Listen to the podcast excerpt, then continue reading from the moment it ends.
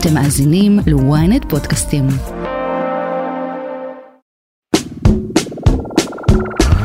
היי, ברוכים הבאים לרפרש, פודקאסט הטכנולוגיה של ynet. אני אושרית גנאל. ואני יובל מן. העורך שלנו היום הוא ניר מינרבי, מנכ"ל ומייסד סטארט-אפ המחשוב הקוונטי קלאסיק. נדבר על מחשבי ותוכנות העתיד, שאמורים לאפשר לאנושות לפתור בקלות בעיות ענקיות כמו גילוי תרופות ומשבר האקלים, על מיקומה של ישראל בתעשייה המתפתחת הזו, ועל הרצון של הסטארט-אפ להפוך למייקרוסופט של התחום. קדימה, בואו נעשה רפרש. ניר מינרבי, תודה שהגעת לרפרש. תודה שהזמנתם, כיף להיות פה. אז uh, מחשוב קוונטי זה ככה מושג uh, מאוד uh, גדול, אפילו קצת מפחיד. בואו נוריד אותו רגע קצת לקרקע. יאללה, נשמע טוב. קודם כל, מחשוב קוונטי זה לא, זה לא תחום חדש. Uh, כבר בערך 45 שנה שמחשוב קוונטי נחשב למעין uh, גביע קדוש של עולם המחשוב, והסיבה לזה די פשוטה. בסוף כל המחשבים שאנחנו מכירים בעולם, בין אם זה הלפטופ שלנו, או האייפון שלנו, או מחשבי העל הכי חזקים בעולם, הם פועלים אותו דבר. בנויים מטרנזיסטורים, פועלים באופן בינארי. אה, ובגדול הם אחלה, וכבר בשנות ה-80 ידעו את זה. הביאו אותנו עד הלום. לגמרי. אה, ומצד שני, יש הרבה בעיות, שלצערנו הם כמה מהבעיות הכי חשובות בעולם, כמו גילוי תרופות ודלקים לא מזהמים, ובאופן כללי כל עולמות הסימולציה של הטבע, שכבר בשנות ה-80 הבינו שאנחנו נתקעים באיזשהו קיר. כי גם אם תקחי את מחשב העל הכי חזק בעולם, תתני לו לעבוד מיליארד שנה, הוא פשוט לא מסוגל לפתור את הבעיה. עכשיו, זה לא שאנחנו לא יודעים לפתור אותה. אנחנו יודעים לשרטט את הפתרון בצורה מעולה עם נייר ועיפרון, פשוט אין מספיק כוח חישוב בעולם. וגם אם נבנה מחשב על בגודל של הירח, זה עדיין לא מספיק. ואלה סוג הבעיות שסימנו כבר בשנות ה-80 מחשוב קוונטי כפתרון אליהן. בגלל זה הוא נחשב למעין גביע קדוש, ואז הייתה כזה שאלה זניחה של, טוב, אה, האם אנחנו יודעים לבנות מחשב קוונטי? והתשובה הייתה, לא, לא ממש. ובסוף, כשמסתכלים על מה קרה מאז, אז קרו שני דברים מעניינים. קודם כל גילו שסט הבעיות שמחשב קוונטי יוכל ממש לחולל בהן מהפכה דרמטית, הוא הרבה יותר רחב מכימיה ותרופות ופיזיקה. למעשה נקודת מפנה הייתה ב-1994,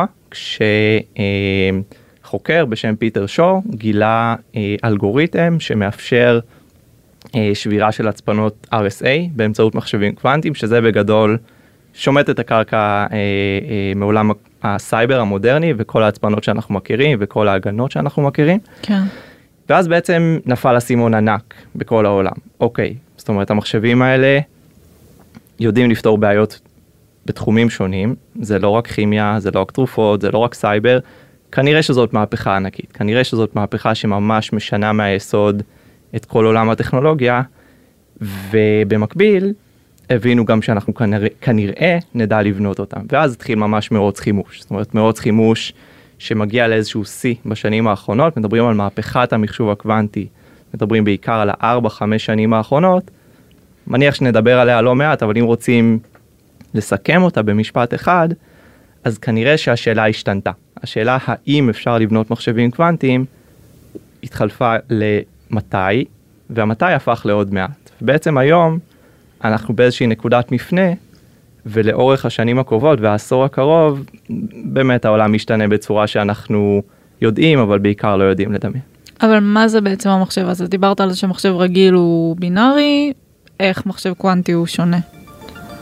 אוקיי, אז קודם כל, אני חושב שיהיה אה, פייר להגיד ש-99.999% מהאנשים לא יודעים איך מחשב רגיל עובד. זאת אומרת, יש שם את הטרנזיסטורים האלה, אנחנו סומכים עליהם, הם בחורים טובים, עושים את העבודה, אה, ומעליהם יש הרבה תוכנה, נכון? לא ממש אכפת לנו. אנחנו יודעים לפתור באמצעותם בעיות. אז בבסיס מחשוב קוונטי זה בדיוק אותו דבר. במקום טרנזיסטורים יש לנו מה שנקרא קיוביטים, שלבנות אותם זה נורא נורא קשה, נדבר על זה עוד שנייה, אבל בסוף יש יחידת מידע, יחידת חישוב בסיסית שנקראת קוונטום ביט, והמחשב הקוונטי נבנה מפעולות לוגיות שמבוצעות על הקיוביטים, כמו שעל אה, טרנזיסטורים אנחנו יודעים לבצע פעולות כמו AND ו-XOR ו-NAND ובעצם כל הפעולות הלוגיות שבונות את היכולת שלנו לפתח תוכנה, אז במחשוב קוונטי זה בדיוק אותו דבר, רק שהלוגיקה היא אחרת לגמרי. זאת אומרת, לוגיקה שונה, וכמובן זה גוזר עלינו שצריך לבנות stack תוכנה חדש לגמרי, מערכות הפעלה, סביבות פיתוח, קומפיילרים וכו' וכו' וכו', אה, ונדבר על זה קצת, זאת משימה מאוד קשה, אה, אבל בסופו של דבר, בהינתן שיודעים לבנות את יחידות הבניין הבסיסיות האלה שנקראות קיוביטים ולבנות מהן מחשב, אז יש לנו מחשב לכל דבר ועניין, שפשוט יודע לעשות דברים בצורה פנומנלית יותר מהירה. ואולי רק אנקדוטה אה, קטנה, קודם כל לא צריך לחשוב על מחשב קוונטי כתחליף למחשב קלאסי. את רוב הפעולות, ממש, את הרוב המוחלט של הפעולות, ככל שאני או מישהו יודע לחזות את העתיד, לא נבצע על מחשבים קוונטיים. צריך לחשוב כן. עליו כאיזשהו אה, אקסלרטור לבעיות מאוד מאוד אה, קשות. סתם בשביל התחושה רגע, אמרתי קיוביטים, אז בסוף כל פעולה שאפשר לבצע על מחשב קוונטי, אפשר לבצע על מחשב קלאסי ולהפך. ממש החישוביות שקולה לחלוטין. השאלה זה כמה זמן זה ייקח.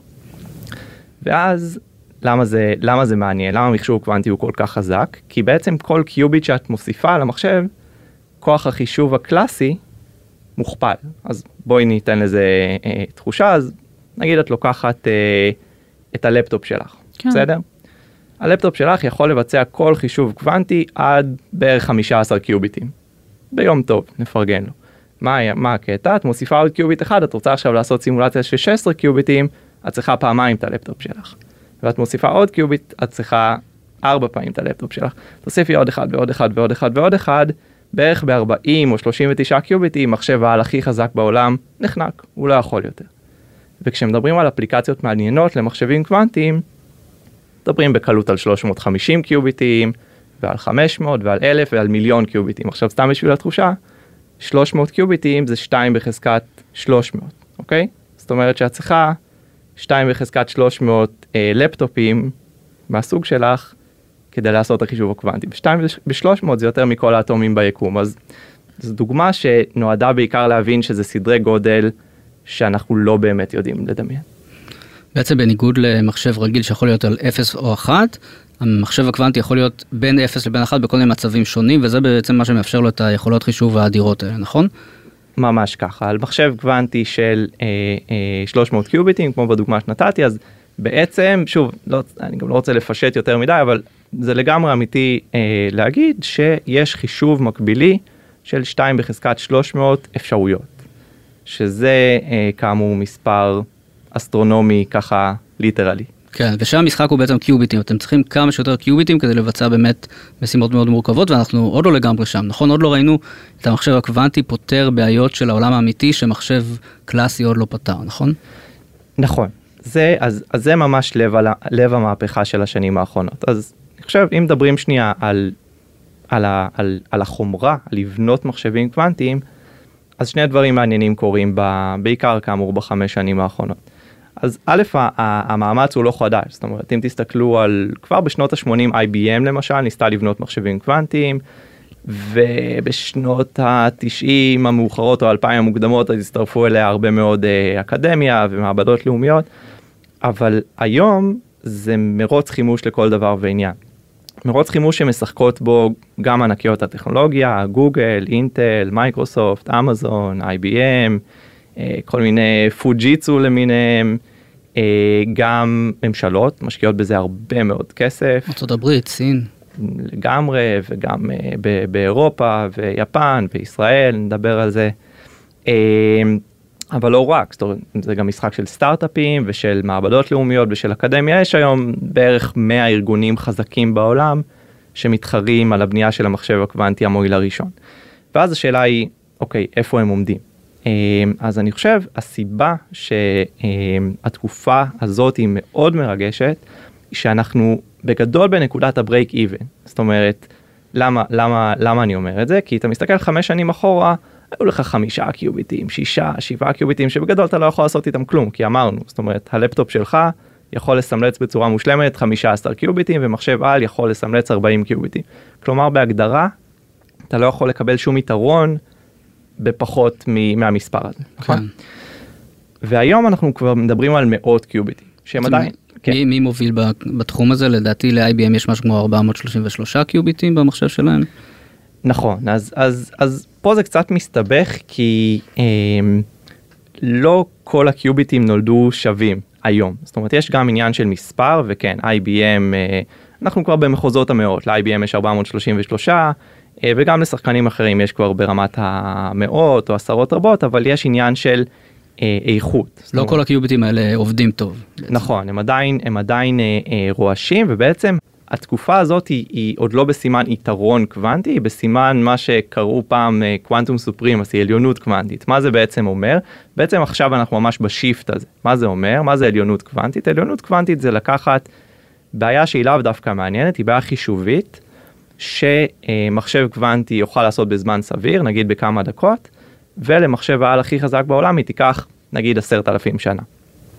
למעשה גוגל עשתה את זה בשנת 2019 וזאת הייתה באמת פריצת דרך מאוד מאוד משמעותית עם 53 קיוביטים הם פתרו בעיה שעל מחשב על תיקח משהו כמו עשרת אלפים שנה. אבל היו גם חילוקי דעות סביב ההישג הזה, נכון? ה-IBM אני חושב שטענה שהיה אפשר לעשות את זה גם עם מחשבי על בפחות זמן. בדיוק אז אז אז זה היה נחמד כי כי כי אז באמת היו לא מעט חילוקי דעות ולפני חודשיים גוגל אה, סגרה את הפינה על החילוקי דעות כי פשוט היא עשתה את אותו ניסוי עם 70 קיוביטים ופשוט אין מקום לספק. אבל מה שקרה שהוא אפילו יותר מעניין מזה זה מה ש-IBM פרסמה על מחשב של 127 קיוביטים שבו היא פתרה בעיה שהיא כבר בעיה מעניינת. זאת אומרת היא בעיה מעניינת במובן שהיא לא סתם איזושהי בעיה צעצוע אלא בעיה שפותרת איזשהו מודל בפיזיקה בכימיה והיא מתעלה על מחשב העל הכי חזק בעולם ושוב זה לא שמישהו הרוויח כסף מהפתרון של הבעיה הזאת זה עוד לא בעיה כזאת מעניינת אבל אנחנו ממש בתפר ואפשר לצפות בשנים הקרובות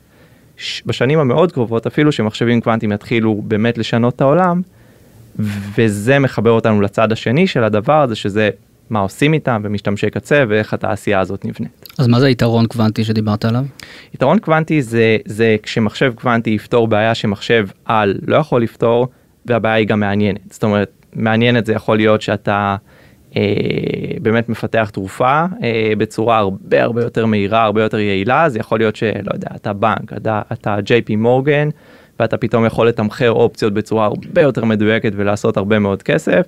זה יכול להיות שאתה רולס רויס ואתה מפתח מנועי סילון הרבה יותר יעילים ולא מזהמים יש הרבה מאוד בעיות בגדול בכל תעשייה יש אה, סט די רחב של בעיות שהן גם שוות הרבה כסף וגם ממש משנות עולם עבורם והן יתחילו להיפטר בשנים הקרובות. זאת אנחנו עוד לא שם. עוד לא שם. דיברת קודם על זה שבאמת השאלה הפכה להיות מתי זה יקרה. יש גם שאלה אבל של מי זה, מי יהיה זה שיצליח לעשות את זה לא, וקצת גם פחד מהשאלה הזאת. אה, לגמרי, לגמרי. אה, קודם כל שאלה מעולה. אה, אין לי תשובה. אה, לא רק בקטע מתייפייף ופוליטי, באמת אין לי תשובה, זאת אומרת זה מרוץ חימוש לכל דבר ועניין. היום מהזווית הטכנולוגית, בסוף עוד, עוד לא אמרנו מה, מה הקלאסיק עושה, אבל בסוף קלאסיק היא, היא שחקן תוכנה, היא בונה את מערכת ההפעלה וסביבת הפיתוח ולכן עבורנו ועבור המשתמשים שלנו ממש לא אכפת מי ינצח, זאת אומרת צריך שמישהו יתקדם, צריך שמישהו ינצח ומצד שני אנחנו אולי המשתמשים הכי כבדים של כל המחשבים האלה. נדבר על זה אבל הרבה מהם כבר מונגשים לציבור דרך הענן אז אפשר בצורה די טובה לראות איפה הם עומדים. Uh, ואני חושב שבביטחון די גדול אפשר להגיד שקשה להמר על המנצח uh, כנראה שאת יודעת בין הגדולות היום אז מי שהכי מתקדמות זה גוגל ו-IBM uh, ומזווית קצת אחרת מייקרוסופט אבל מה בדיוק ממשלת סין עושה ואיפה היא עומדת אז אני רק יכול להגיד שהיא השקיעה 15 מיליארד דולר בדבר הזה וגם ארצות הברית במקביל ואירופה ו... זאת אומרת יש פה מרוץ חימוש. Uh, וכן יש השלכות uh, אסטרטגיות כבדות משקל למחשב קוונטי שמפותח uh, מוקדם מדי ונמצא בידיים הלא נכונות סתם בשביל, ה... בשביל התחושה אז באמת בעולמות הסייבר זאת אומרת כן. uh, uh, צריך קצת להדגיש את המשמעות הזאת המשמעות של אין יותר RSA או הצפנות מהסוג שאנחנו מכירים היום כבר לא רלוונטיות היא, היא דרמטית זאת אומרת זה לא משהו שאפשר לתקן איזה באג ו- ו- ו- ואנחנו ואנחנו אחריו זאת זאת בעיה שייקח שנים, אולי אפילו עשורים, ממש לפתור בצורה הוליסטית, ומה שבאמת מטריד זה שהיא היא קריטית כבר היום. זאת אומרת, בואי נגיד שאני עכשיו אוסף באיזושהי דרך את המידע הכי מסווג של מדינת ישראל, לא יודע, קודים הגרעיניים או סודות מודיעיניים, מה שבא לך. אה, אחלה, נגיד שהם מוצפנים ממש טוב, אני לא יכול לפתוח אותם היום, אבל הם אצלי, אני שומר אותם. ועוד איקס שנים, לא יודע מהו איקס, יכול להיות שהוא אה, מאוד ארוך, יכול להיות שהוא די קצר, אני יכול לשבור את זה. אז מדינת ישראל בבעיה מאוד מאוד קשה, ולכן המשמעות של פוסט קוונטום, של בעצם מה קורה ביום שמחשב קוונטי נמצא כאן, היא דרמטית. וסייבר זה use case אחד, אפשר לדבר על הרבה מאוד use cases, כאמור מאוד טובים ומאוד מפחידים, אז כן, יש פה טכנולוגיה מעצמתית לכל דבר ועניין, אה, ויהיה נחמד אם היא תפותח על ידי ה-good guys. וברמה המדינתית מנסים להיערך גם לסיכונים האלה? כן, חד משמעית. אז בוא נדבר קצת באמת על אה, מה שאתם עושים כחברה. יפה, אז בסוף, כאמור, יש מרוץ חימוש לבנייה של מחשבים קוונטיים. החלק השני של המהפכה הזאת הוא כל מה שקשור למה עושים עם מחשבים קוונטיים, תוכנה, אפליקציות, ובסוף אם מסתכלים 3-5 שנים קדימה, זה משהו שפשוט יהיה נחלת הכלל בכל התעשיות, בארגונים קטנים, גדולים, באקדמיה, בכל מקום, פשוט זה יהיה חלק מסל הכלים שלנו. אבל היום, ובעצם בשלוש ארבע שנים האחרונות, אנחנו רואים בעיקר ארגונים גדולים, פורצ'ן 500, הבנקים הגדולים בעולם, חברות הרכב, הפארמה אה, וכו' וכו', שמתכוננים למחשוב קוונטי, שבעצם מקימים צוותים שהמטרה שלהם לפתח אפליקציות, IP, צוות, ידע בתוך הארגון, כדי שביום שמחשוב קוונטי קורה הם יהיו מוכנים. אגב, סתם כדי לתת לזה קצת צבע. בואו נניח שבעוד שלוש או חמש שנים, זה לא באמת משנה, מחשב קוונטי מאפשר לנו לעשות סימולציה של מולקולות מורכבות, אוקיי? באותו רגע, מגניב, זאת אומרת אנחנו יכולים לפתח תרופה לסרטן, אנחנו יכולים לפתח תרופה להרבה מאוד דברים שאנחנו יודעים על הנייר איך לעשות, הם פשוט לא פיזיביליים עבורנו כרגע. מצד אחד מדהים, מצד שני, תחשבי שמתחיל מרוץ חימוש, לרשום מאות פטנטים על מולקולות, פטנט שווה מולקולה, ואם את חברת תרופות שלא נמצאת שם, שלא מוכנה, אכלת אותה בכל מובן. אז יש פה גם היבט של אפסייד, של אנחנו יכולים מאוד להרוויח ושווה לנו להתכונן, וגם היבט של פחד, כמו בכל טכנולוגיה חזקה. ואז בסוף כשמסתכלים על אה, תוכנה ואפליקציות, אז אמרנו קודם, אין שום קשר בין עולם התוכנה המוכר לנו לעולם התוכנה החדש. ולמעשה היום פיתוח תוכנה למחשבים קוונטיים זאת משימה שהיא כמעט בלתי אפשרית, כי את ממש צריכה אה, אה, אה, להגדיר את הפעולת, הפעולות הלוגיות ברמת הקיוביטים, שזה משהו שגם אה, יש מעט מאוד אנשים בעולם שמסוגלים לעשות, וגם הם יודעים לעשות את זה למחשבים מאוד קטנים, לשלושה, לחמישה. ל-20 קיוביטים, אם את uh, ככה ממש מהמומחית עולמית. זה אנשים שבעצם מה ההכשרה שלהם? אז הם הרבה פעמים uh, דוקטוריות או דוקטורים לפיזיקה או מתמטיקה, כאלה שממש יודעים להתעסק עם, ה, עם הפיזיקה הקוונטית ועם המתמטיקה וה, והלוגיקה של האינפורמציה הקוונטית. ומצד שני, זאת אומרת, אוקיי, למי זה עוזר? כי, כי את רוצה שעוד כמה שנים מיליונים יפתחו תוכנה למחשבים קוונטיים, כמו שהיום מפתחים תוכנה למחשבים רגילים ול-GPU ובאופן כללי. אה, בשביל זה צריך אה, כלי תוכנה, וזה בדיוק מה שקלאסיק עושה. בעצם קלאסיק פיתחה אה, את מערכת ההפעלה הראשונה, את הקומפיילר ואת סביבת הפיתוח למחשבים קוונטיים.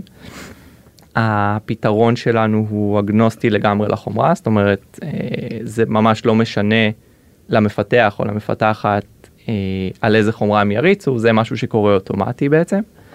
אה, והיום אנחנו בעצם חברת התוכנה הקוונטית אה, הגדולה בעולם, המובילה בעולם, שזה חלק מההזדמנות בתחום, זאת אומרת אנחנו לא, אה, אנחנו לא חברה ענקית, הוקמנו לפני שלוש שנים, אנחנו 60 ומשהו עובדים, אה, אבל ההזדמנות בתחום הזה, בעולם מחשוב חדש, היא באמת לעצב אותו אה, יחד עם הגדולות. אה, ובסוף המטרה שלנו היא נורא פשוטה, זאת אומרת אנחנו מפתחים את מערכת ההפעלה למחשבים קוונטיים ואנחנו צריכים להיות הסטנדרט זאת אומרת אנחנו צריכים לבנות את המייקרוסופט של המחשוב הקוונטי ובעצם כל אספקט באסטרטגיה שלנו אפשר קצת לדבר על מה אנחנו עושים מוכוון לשם. אמרת קודם שהמערכת שלכם אגנוסטית זאת אומרת ממה שאני יודע יש כל מיני סוגים של מחשבים קוונטיים יש מוליכי על. יש לוכדי יונים, אתה יכול קצת לפרט על זה? כן, לגמרי. אז בסוף המטרה הגדולה של מחשוב קוונטי זה לאפשר לך בעצם לבנות את המערכת שמאפשרת לך לבצע את הלוגיקה הקוונטית. אה, והלוגיקה הקוונטית אה, זה לא משהו אה, שמישהו המציא, זה נתון, ככה הטבע עובד, זה הפתרון למשוואת שרדינגר. ואז השאלה, אוקיי, זאת אומרת, איך אתה בונה את המערכת שמאפשרת לך לבצע את הלוגיקה הזאת, שהיא נורא מוגדרת, היא נורא אין בה קוונטים, זה נשמע ככה אה, חצי פילוסופי, תאמין לי, הכי פחות פילוסופי והכי מתמטי ש, שאפשר אה, לדמיין. אה, ולבנות החומרה הזאת זה קשה, ויש הרבה מאוד שיטות שונות. אה, דיברנו קודם על השחקנים שבונים מחשבים קוונטיים, אז באמת חלקם עושים את זה בשיטות של מוליכי על, אה, שככה עלו לכותרות לאחרונה, וירדו כן, מהכותרות. LK99. כן. אה, אגב, שווה לדבר על, על, על ספציפית על, על, על בעצם כל הסאגה הזאת סביב ה-LK99 בהקשר של מה המכשור קוונטי יאפשר בעתיד, אבל בוא נגיע, נגיע לזה עוד מעט. אז אוקיי, מוליכי על זאת שיטה אחת, יונים כלואים, פוטונים, יש הרבה מאוד שיטות שונות ומשונות. עכשיו, ברמה התוכנתית, לא אכפת לך. זאת אומרת, ברמה התוכנתית אתה צריך שספק החומרה יאפשר לך להריץ את הלוגיקה שלך. מצד שני, החיים עצמם, מה שנקרא, אז היום יש הרבה מאוד קשר. אתה צריך ממש לפתח את ה... זה נקרא מעגל קוונטי. הסכמה הזאת של איזה פעולות לוגיות אני מבצע על איזה קיוביט, היא היום, היא בגלל שהמשאבים הקוונטיים הם ככה מאוד במחסור, מספר הקיוביטים, האיכות שלהם, אז לא רק שזה נורא קשה לדעת איזה פעולות לוגיות לבצע על איזה קיוביטים, ש... על איזה קיוביט שזה אמרנו מה שאותה דוקטורית מהרווארד אה, צריכה לעשות היום, היא גם צריכה לדעת להתאים את התוכנה למחשב של מוליכי על שיש לו כל מיני, כל מיני אילוצים. את זה בדיוק אנחנו אה, מונעים באמצעות אוטומציה זאת אומרת זה, זה בדיוק התפקיד של מערכת ההפעלה זה התפקיד של הקומפיילר ובסוף מה שסביבת הפיתוח מאפשרת זה לפתח ברמה גבוהה. זאת אומרת ממש בשפה בשפה עילית. אה, תתמקד באפליקציה שמעניינת אותך. אם אתה אה, רוצה לתמחר אופציות אחלה, שיהיו לך חיים יפים, ת, תעשה את זה, על, תעשה את זה בהיי לבל. אמ, בעצם כל שאר התהליך הוא אוטומטי ואתה יכול לבחור, אה, אתה יכול לבחור אם אתה רוצה להריץ את זה על המחשב הזה של IBM או על המחשב ההוא של אמזון.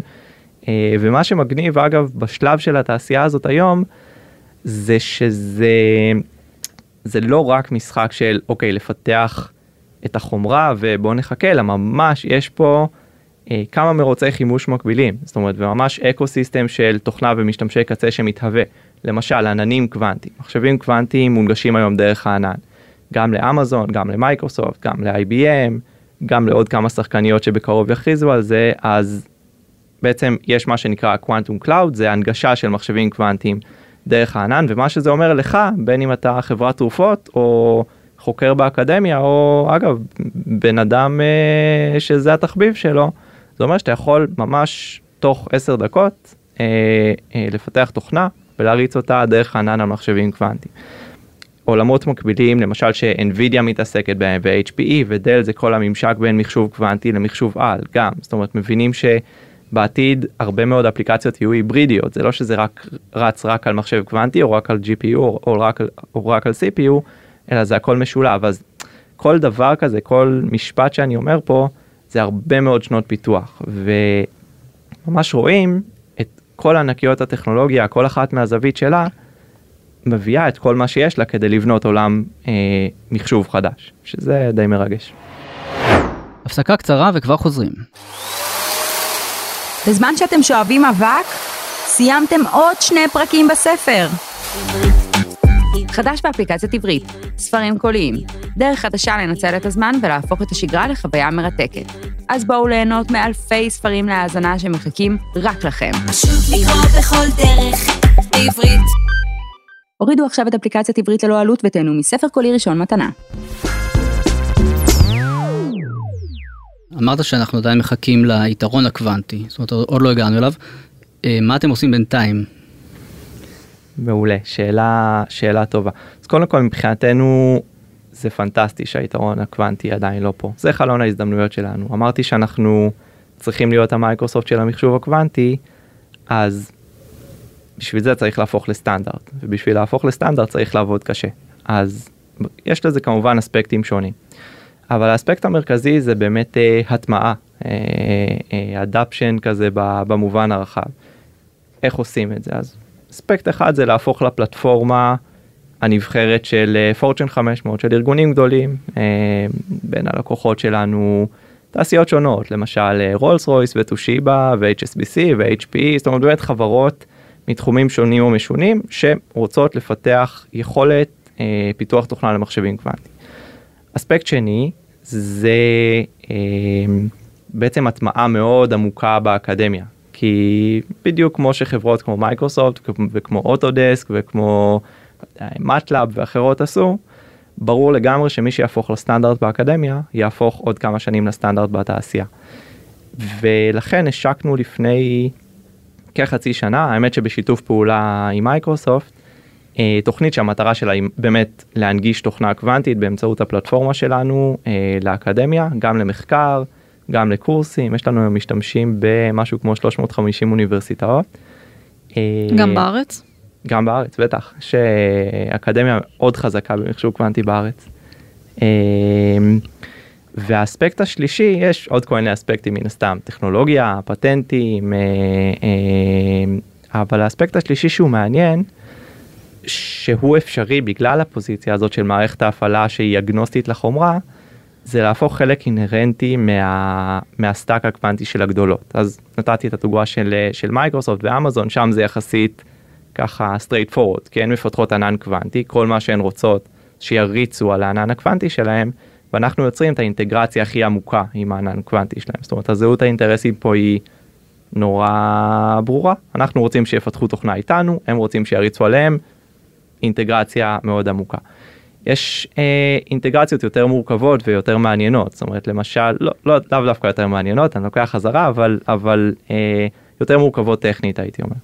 למשל כל הנושא של לבנות את ה stack, את ה stack הקוונטי למחשבי על. זאת אומרת, אז למשל מה שאנחנו עושים אה, עם NVIDIA או עם HP, אני אתן את הדוגמה של HP, שהיא מובילה עולמית במחשבי על, זה לבנות מעל stack התוכנה הקלאסי שלהם בעצם של קריי, ה stack של קריי, את היכולת לפתח תוכנה למחשבים קוונטיים. שוב, אני לא רוצה לצלול יותר מדי לעומקים הטכניים כי כאילו זה קצת משעמם נראה לי, אבל, אה, אבל זה חלק מההזדמנות, ממש להפוך לחלק אינהרנטי מה offering של הגדולות, וזה חלק מהדרך להיות סטנדרט. אבל מה מונע מחברות ענק כמו מייקרוסופט, גוגל, אמזון לפתח את המערכת הפעלה הזאת, את התוכנה בעצמן? אז שאלה שאלה מעולה אז אני חושב שיש פה יש פה כמה אספקטים קודם כל וזה באמת החלק הכי מרגש במהפכה הזאת כאילו מילה שחוקה אבל באמת מה שקורה בארבע חמש שנים במחשוב קוונטי זאת מהפכה. אה, אנחנו רצים מהר זיהינו את הבעיה הזאת מוקדם כשעוד היו מחשבים של חמישה ועשרה קיוביטים ועוד בקושי סתם שחקניות כמו אמזון כמו NVIDIA כמו HP בכלל לא היו במשחק של מחשוב קוונטי. זיהינו את הבעיה מוקדם, אה, אנחנו רצים מהר, יש לנו צוות, אה, אה, צוות התוכנה הקוונטית הכי חזק בעולם, ובונים בעצם את הטכנולוגיה שלא מסתכלת רק על היום, שזה המיקוד של הרבה משחקניות, מהשחקניות שמפתחות מחשבים קוונטיים, זאת אומרת, תחשוב שאתה חברת חומרה שפיתחה מחשב עם חמישה קיוביטים, ואתה או רוצה להנפיק או לא יודע, או סתם אתה רוצה PR כדי, כדי להמשיך לפתח את היכולת שלך, כל מה שמעניין אותך זה שישתמשו בחמישה קיוביטים, ממש לא מעניין אותך עכשיו אה, לפתח את הפתרון לאלף קיוביטים או למיליון קיוביטים. אותנו זה בדיוק מה שמעניין, ודווקא מבחינה אסטרטגית התחלנו מהחלקים ב stack שרלוונטיים למחר וגם למחרתיים. אה, והיופי זה שהטכנולוגיה הזאת זה בדיוק מה שמאפשר את השימוש הכי טוב והכי פשוט גם בטכנולוגיה של היום. אז האם באיזשהו שלב תהיה לנו תחרות? בוודאי, גם היום יש לנו תחרות. אה, האם אנחנו בפוזיציה להיות הכי חזקים בתחום הזה? אה, כן.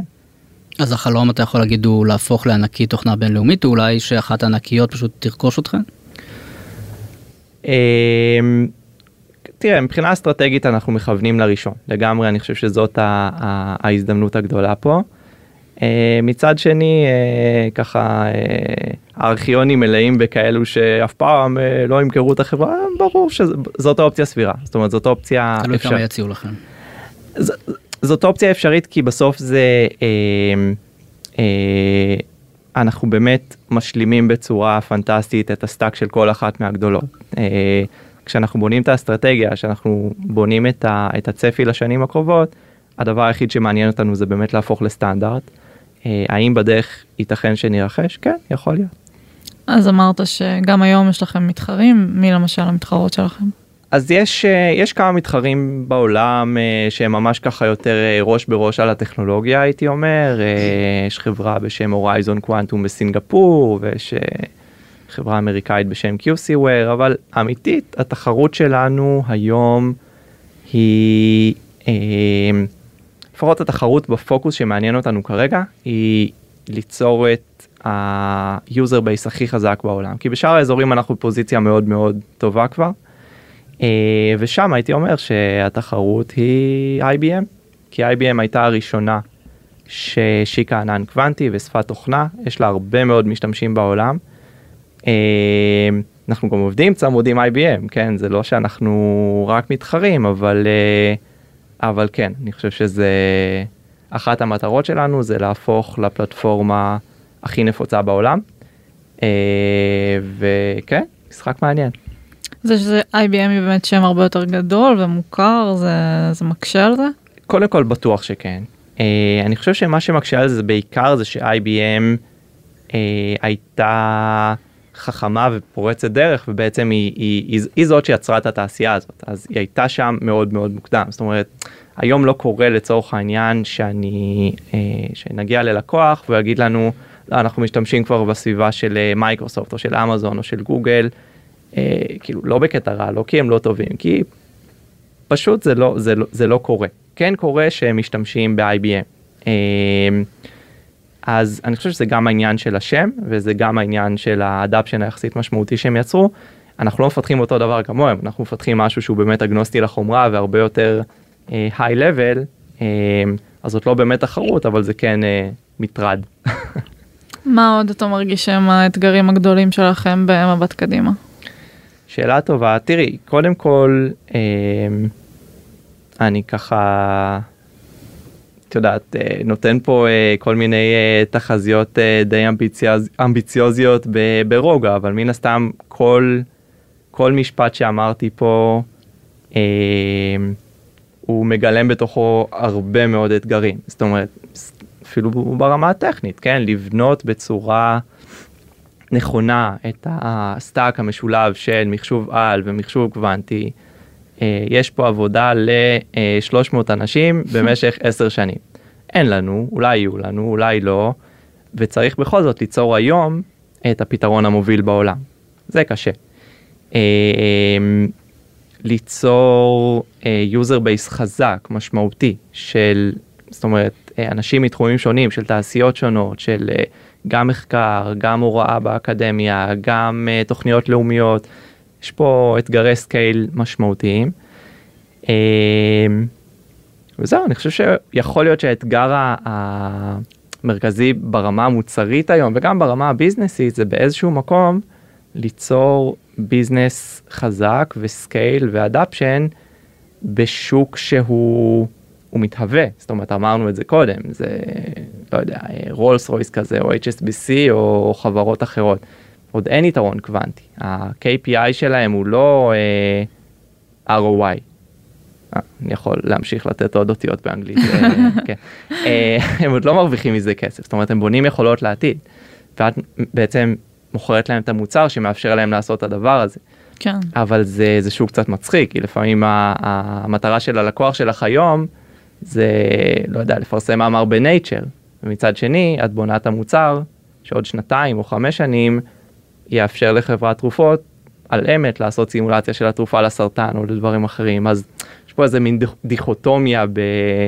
תמיד אוהבים לדבר על product market fit, כאילו המרקט פה משתנה כל הזמן.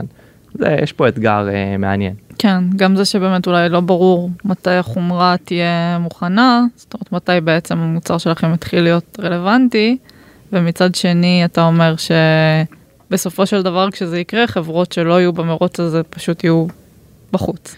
לגמרי, נכון, אה, ו- וחד משמעית ברמת, ה- ברמת הביזנס היום, זאת אומרת, אז, אז, אז גם זה, זה מאוד שונה, זאת אומרת, יכול להיות שכבר עוד שנתיים לצורך העניין, ובוודאי עוד 4-5 שנים, לא, לא באמת, יהיה צריך לעשות פיץ' מכירה, כי אוקיי, מחשוב קוונטי משנה את העולם כל יום, אתה enterprise, אתה צריך לפתח לו תוכנה, קח תוכנה, תקנה.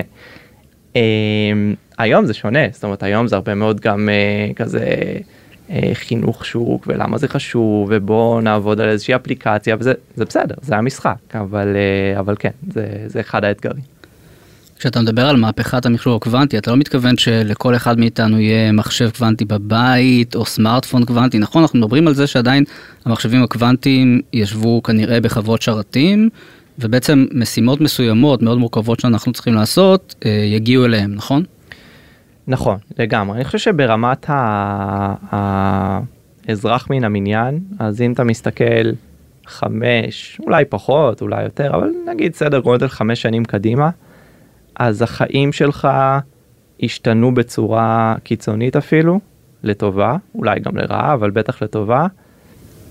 ולא נראה לי שבהכרח תלך עם uh, חולצה שכתוב עליה quantum computing is great כי כי לא כי זה זה כן, מאחורי הקלעים בדיוק בעצם. זה לא זה לא יהיה חלק מהיום יום שלך בהכרח. זאת אומרת זה לא ישפיע על השימוש שלנו במחשבים אבל זה כן יהפוך את העולם ליותר טוב כי באמת יפתחו תרופות אה, יותר מהר ודשנים חדשים ואולי יפתרו את אה, בעיית האקלים והבינה המלאכותית תהיה הרבה יותר מתקדמת. ממש ככה ממש ככה. כן, נתת מלא דוגמאות טובות שאני הייתי צריך לתת קודם, אבל אני שמח שאחד מאיתנו נתן אותן. אז ממש ככה, אז זה בנגזרת הראשונה, אה, ואת הנגזרת השנייה, אני אומר בשיא הכנות, אף אחד לא יודע לדמיין, זאת אומרת, אה, אה, ממש יכול להיות שמחשוב קוונטי יהיה חלק מהיום יום שלנו באיזושהי קונסטלציה. פה אני ככה יחסית בנוח אומר לא בשבע שנים הקרובות אבל בוא נראה מה קורה אחרי זה. צריך להגיד באמת שיש הרבה כמו שאמרת אתה קורא לזה רעשים בעצם זה בעצם אומר שגיאות נכון שגיאות של הקיוביטים שהם לא לא מגיעים לתוצאה נכונה וגם אם אני לא טועה רוב המחשבים האלה צריכים להיות בסביבה מאוד מאוד קרה. והם גם ענקיים זאת אומרת זה מחשבים ענקיים זה לא נראה כמו מחשב רגיל זה לא מה שאנחנו כן. מדמיינים. אז אז אה, אז יש ספקטרום אני חושב שזה זה חלק מה ממה שמגניב במרוץ חימוש הזה שיש מחשבים קוונטיים שפועלים בטמפרטורת חדר כאילו ממש mm. ב, ב, טוב לא אולי אולי לא מה שקורה פה בחוץ היום אבל uh, כאילו טמפרטורה סבירה 20 מעלות. Uh, יש מחשבים שצריך ממש מינוס 273 מעלות ועוד איזה מיקרון מעלה uh, כדי שהם יעבדו יש מחשבים שהם בגודל של מגרש כדורסל, יש מחשבים שבגודל של מטבע, אז יש מנעד יחסית גדול. אמ, אבל כן, אני חושב שזה הנחה די פיירית, אה, שבסופו של דבר הגישה למחשבים קוונטיים תהיה בעיקר דרך הענן, אה, וגם און פרם במרכזי HPC כאלה ואחרים. אה, באקדמיה, באוניברסיטה יהיה איזה מחשב קוונטי ואצל החברות הגדולות. לגמרי. אגב כבר היום אתה מסתכל על uh, מרכזי מחשוב על בעולם ועל כל מיני מרכזים ממשלתיים הרבה מהם קונים מחשבים קוונטיים מוצאים הרבה כסף על מחשבים קוונטיים למרות שהם עוד לא מביאים להם ערך כי פשוט כדי כדי לבנות את היכולת אתה צריך שיהיה לך אחד כזה במחסן. להתכונן. לגמרי. וגם זה. זה מוקד ממש טוב לסלפי כי הם כאלה מוזהבים וזה כן. נראה זה נראה, נראה כמו מברשות ענקיות כאלה נכון? לפחות על מחשב כן, של גוגל. לגמרי. באמת בהקשר של אה, בינה מלאכותית, שזה כזה המושג עם הכי הרבה הייפ בתקופה האחרונה, מה נקודות הממשק בין uh, מחשוב קוונטי ובינה מלאכותית, איך בעצם זה יכול uh, לשפר אותה? אז בואי ניתן את התשובה משתי זוויות. הזווית היותר ככה uh, ישירה זה שכל התחום של quantum machine learning ו quantum AI זה תחום מאוד מבטיח, אה, שיש הרבה מאוד אה, מחקרים בנושא, האמת שהרבה מהלקוחות שלנו זה ממש מה שהם מפתחים מעל הפלטפורמה, כמובן עדיין מודלים קטנים ויש שם פוטנציאל בכל מיני גזרות להאצות כאלה ואחרות.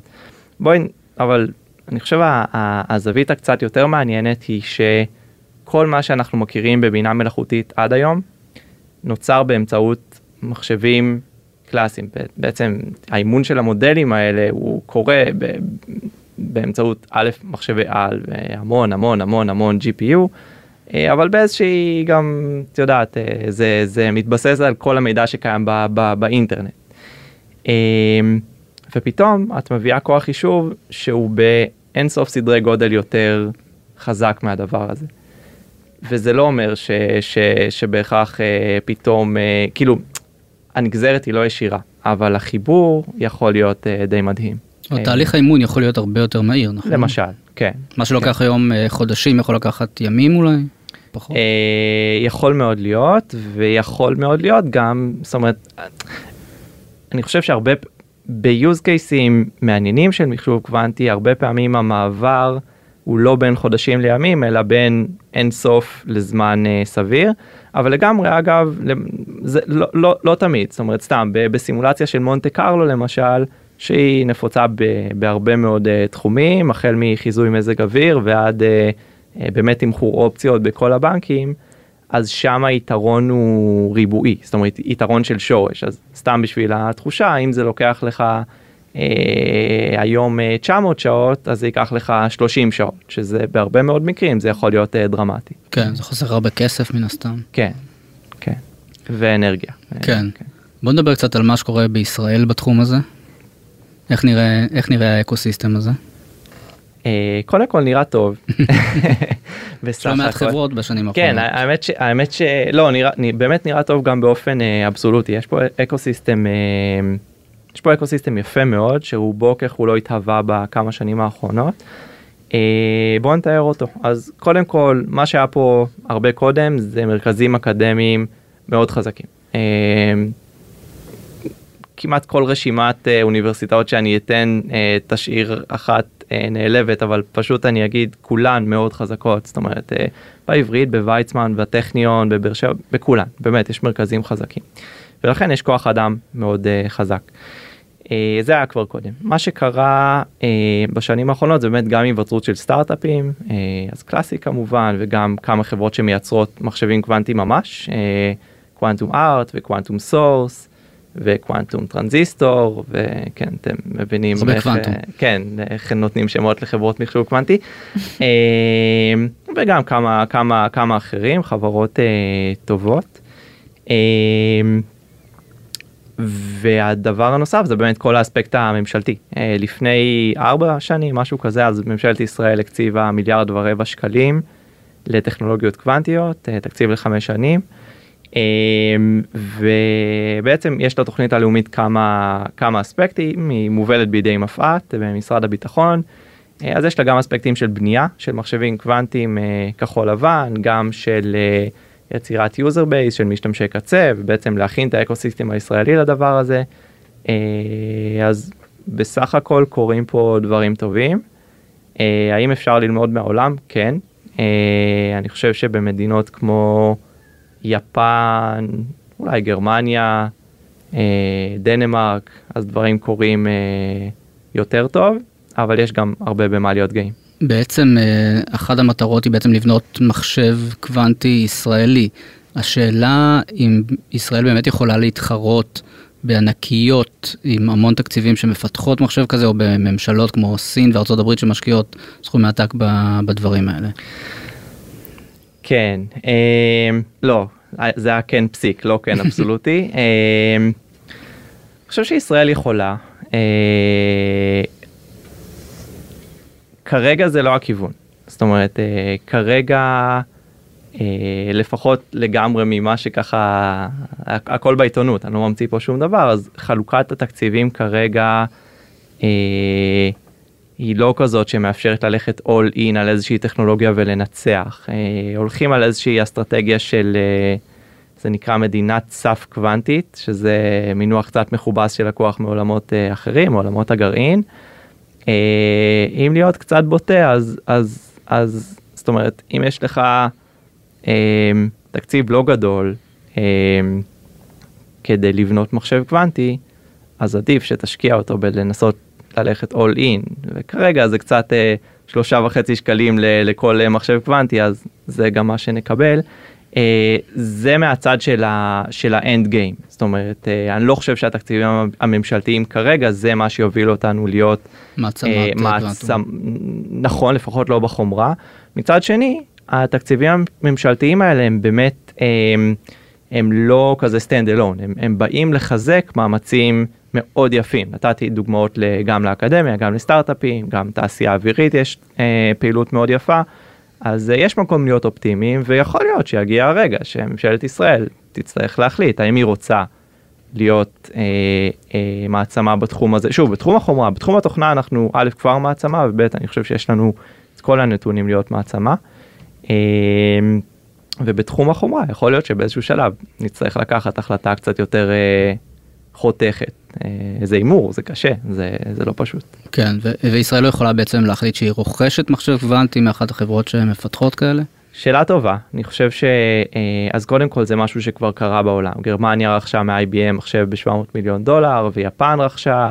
אה, באופן כללי זה משהו שקורה יותר ויותר. אגב, גם ישראל, חלק מהתוכנית שלה, היא רכשה כמה מחשבים מסטארט-אפים, אה, לא כזה ה-state of the art, אבל, אבל כן מחשבים שמאפשרים לבנות מעליהם פה גם ידע, גם יכולות, אז, אז זה אחלה.